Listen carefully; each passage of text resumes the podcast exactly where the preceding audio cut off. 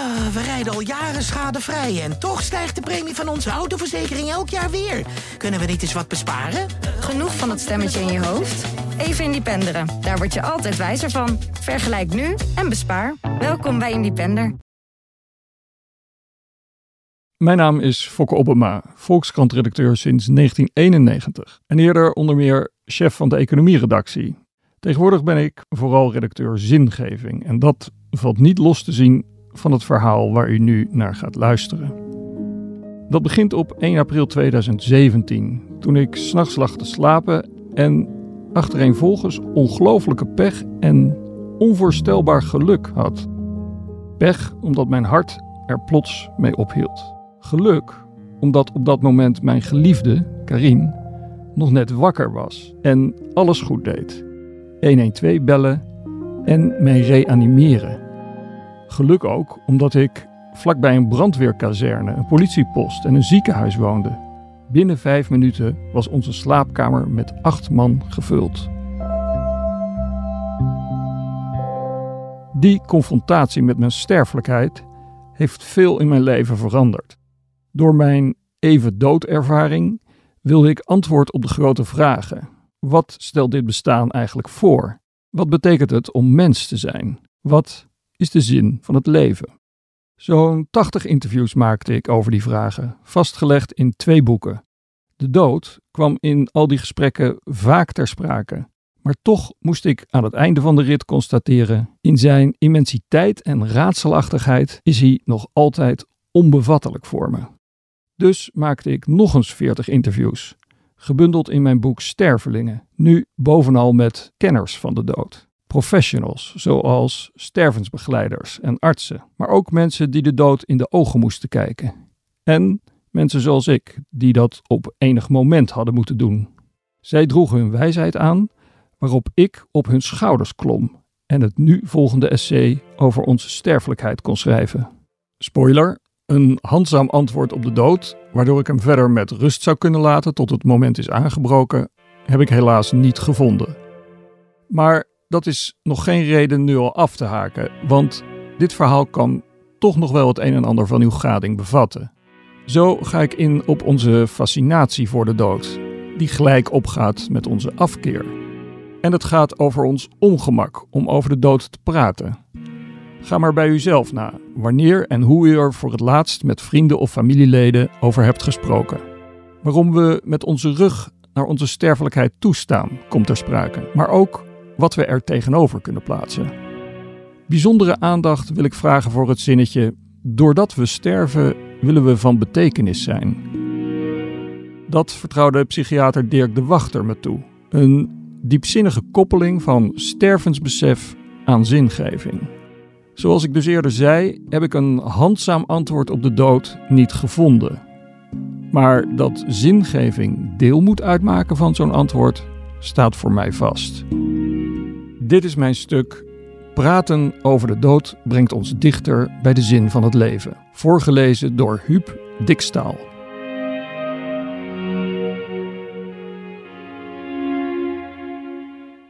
In tegenstelling tot de meeste mensen is voor de Amsterdamse kunstenaar Babs Bakels, begin 50, de dood haar favoriete gespreksonderwerp. Wanneer ik haar voor mijn interviewserie Sterveling spreek, verhaalt ze over de tegengestelde reacties die haar ten deel vallen: afkeer en fascinatie. Heb je niet iets gezelligers? luidt de gangbare poging het onderwerp te torpederen. Voorbij die horde van schrik komen de vragen. Dan blijkt er sprake van interesse en zelfs fascinatie voor de enige zekerheid in ons leven. Die ambivalentie tekent onze verhouding tot de dood. In de media is in de afgelopen jaren sprake van een ware doodshoos. De coronapandemie is daar ongetwijfeld mede debet aan. Alleen al deze krant bevatte drie series met een hoofdrol voor de dood, plus afzonderlijke interviews met stervenden of nabestaanden. In andere kranten, tijdschriften en op televisie is de dood niet minder populair. Zo maakte Paul de Leeuw onlangs een serie over jongeren met een levensbedreigende ziekte. Zijn er vele jaargangen van tv-programma's als Over Mijn Lijk en De Kist, wemelt het in boekhandels van persoonlijke getuigenissen en zijn op sociale media stervensprocessen te volgen. Aan de behoefte te delen is ogenschijnlijk bepaald geen gebrek, net zo min als aan fascinatie bij lezers. Paradoxaal genoeg wordt ons ongemak over de dood in de dagelijkse werkelijkheid er niet minder om, concludeer ik uit de gesprekken die ik voerde met kankerpatiënten en professionals. Neem Gea Arendsen, psychosociaal medewerker in een hospice nabij Arnhem. Zij ziet het als haar grootste klus om de familie zover te krijgen dat ze bij het stervensproces aanwezig durven te zijn. Gesprekken worden vaak niet of maar mondjesmaat gevoerd. De meeste mensen praten er liever niet over. Kankerpatiënt Chris Houtman ervoer datzelfde ongemak.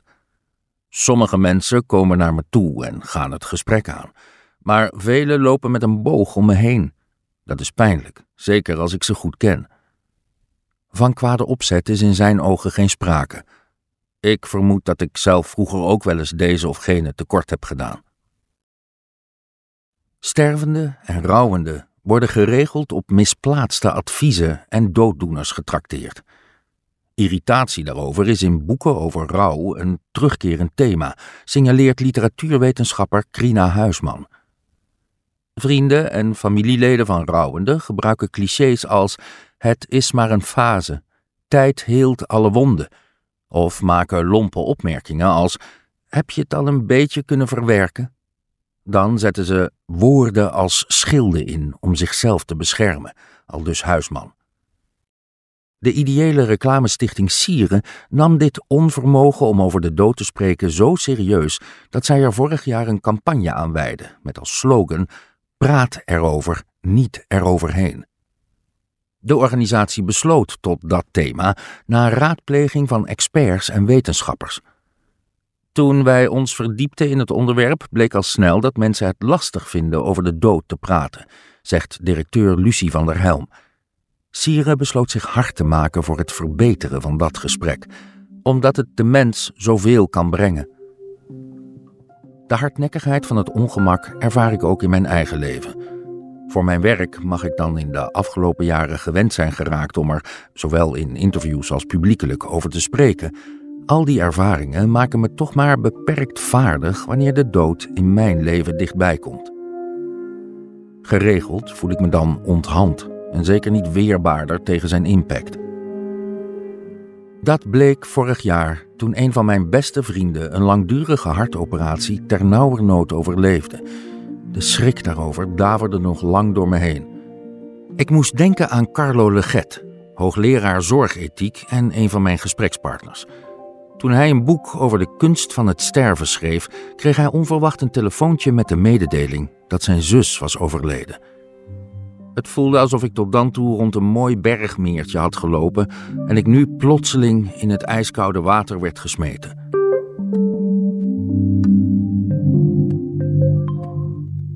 Sta ik voor de taak met een naaste over de dood te spreken, dan heb ik het nodige te overwinnen. Toen mijn moeder haar standpunt over euthanasie moest herhalen, schoof ik het initiatief graag naar haar huisarts door. Ook in latere gesprekken vond ik het moeilijk haar naderende einde aan te snijden. Ik voelde hoe mijn keel dichtschroefde in het zicht van het onvermijdelijke afscheid. Dat bracht naast verdriet ook een gevoel van machteloosheid mee, waar ik liever van wegbleef. Waar komt dat ongemak precies vandaan? Medicus en schrijver Ivan Wolfers, inmiddels zelf overleden, wees me op onze overlevingsdrift. Iedere dode in onze omgeving doet vreselijk pijn. En op dat moment beseffen we, eens kom ik aan de beurt. Maar al vrij snel schakelen we over op, ik voel me best goed, er is toch niks ernstigs met me aan de hand? Dan wint onze overlevingsdrang het van ons besef sterfelijk te zijn. Overleven is een oerkracht die ons handelen en denken stuurt. Nauw ermee verbonden is onze doodsangst, waar de aanhangers van de Terror Management Theory, theorie van beheersing van doodsangst, veel mee verklaren. Van status en rijkdom vergaren tot het omarmen van religies of ideologieën, ze voeren het allemaal terug op die fundamentele angst. Of die invloed werkelijk zo groot is, valt moeilijk te achterhalen, Maar dat doodsangst bijdraagt aan het mijden van de dood als gespreksonderwerp, lijkt me wel zeker. Die angst betreft, afgaand op mijn gesprekspartners, niet het dood zijn zelf, maar vooral de weg erheen. Een recente enquête van Trouw onder duizend respondenten bevestigt dat. Maar één op de drie zegt het dood zijn te vrezen. Twee op de drie is bang voor de lijdensweg. Dood zijn is vooral verdrietig voor hun nabestaanden, meenden mijn gesprekspartners, in navolging van filosoof René Gude, die stelde dat zijn aanstaande dood, hij overleed in 2015 op 58-jarige leeftijd, niet om hemzelf draaide, maar om zijn nabestaanden. Hij zette zich in voor het wegnemen van onze moeite over de dood te spreken, zoals de titel van een van zijn laatste boeken aangeeft. Sterven is dood eenvoudig. Iedereen kan het. Acht jaar later blijkt dat gesprek nog allerminst makkelijk. Naast overlevingsdrang en doodsangst dragen maatschappelijke ontwikkelingen bij aan het op afstand plaatsen van de dood. Vergeleken met 1950 zullen we er in 2040 gemiddeld 14 jaar bij hebben gekregen, waardoor we tegen die tijd gevorderde tachtigers worden. Veel langer dan vroeger kunnen we met onze rug naar de dood leven. Gaat het mis, dan komen we in handen van een beroepsgroep die de dood als vijand ziet. Kankerpatiënten vertelden me over het fanatisme waarmee medici hen in leven houden. Ze gaan met scans door tot halverwege je crematie, grapte een van hen. Spreken over de dood vinden artsen moeilijk vanwege de angst en het verdriet dat ermee wordt opgeroepen. Liever hebben ze het met hun patiënten over een volgende behandelmethode. Veelzeggend is het verzoek dat ik onlangs van een academisch ziekenhuis kreeg om met specialisten en verpleegkundigen over de dood te spreken, omdat die dat onderwerp te zeer mijden. Ook ruimtelijk houden we de dood ver weg. Leefde de buurt of het dorp vroeger mee met een sterfgeval, nu overlijdt nog maar één op de drie mensen thuis. Twee derde sterft in ziekenhuizen of verpleegtehuizen. Voorportalen van de dood als bejaardenhuizen en hospices bevinden zich, net als crematoria en begraafplaatsen, veelal in buitengebieden of aan de randen van de stad. De dood houden we ook op afstand door onze aandacht bij voorkeur te richten op het overzichtelijke alledaagse, de klusjes, de kleine zorgen en de plezierige kanten van het bestaan. Hoe begrijpelijk ook, we doen onszelf en anderen daarmee wel tekort.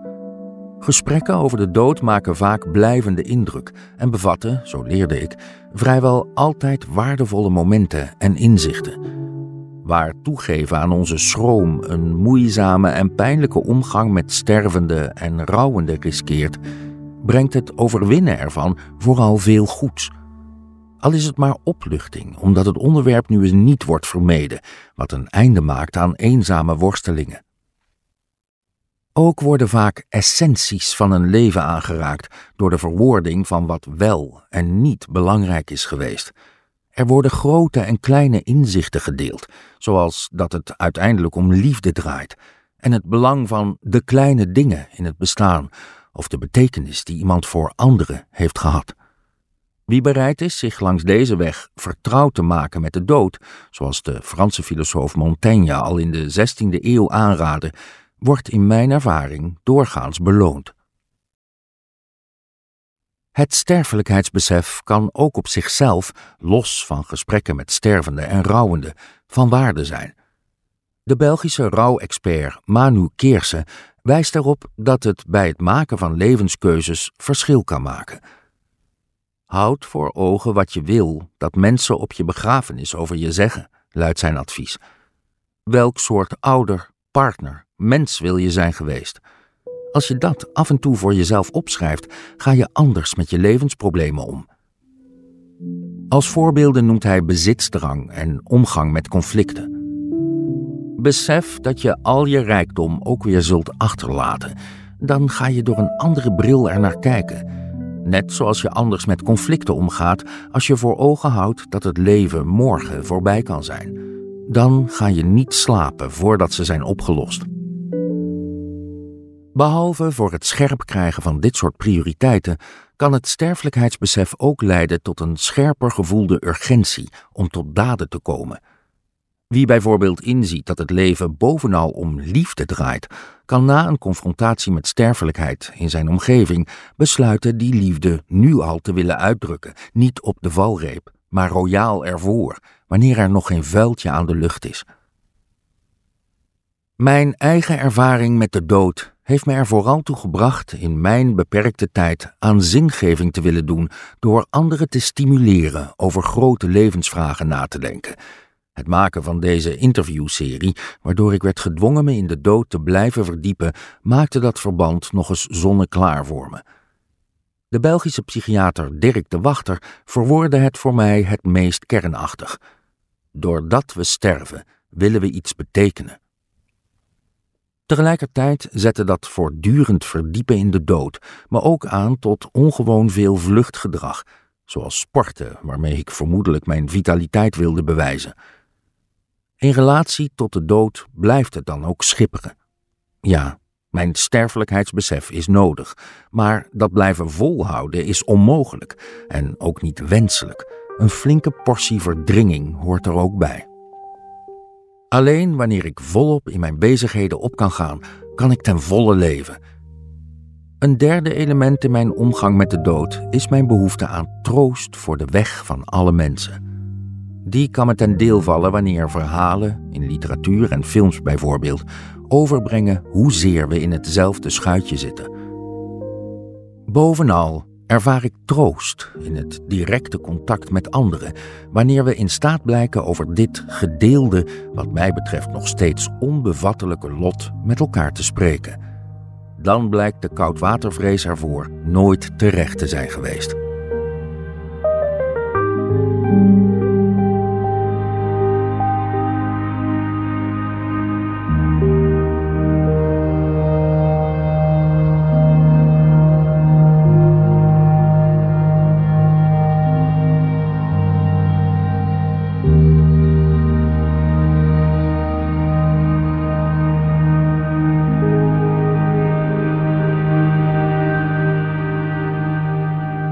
Dit was een voorgelezen verhaal van de Volkskrant, eerder gepubliceerd op 22 september. Montage en sounddesign is door mij, Mona de Brouwer, in samenwerking met Tinium Audioboekproducties. De eindredactie is door Corinne van Duin. Dankjewel voor het luisteren. Ehm, past onze autoverzekering straks nog wel bij de nieuwe auto die we gaan kopen? Of kunnen we met overstappen flink besparen?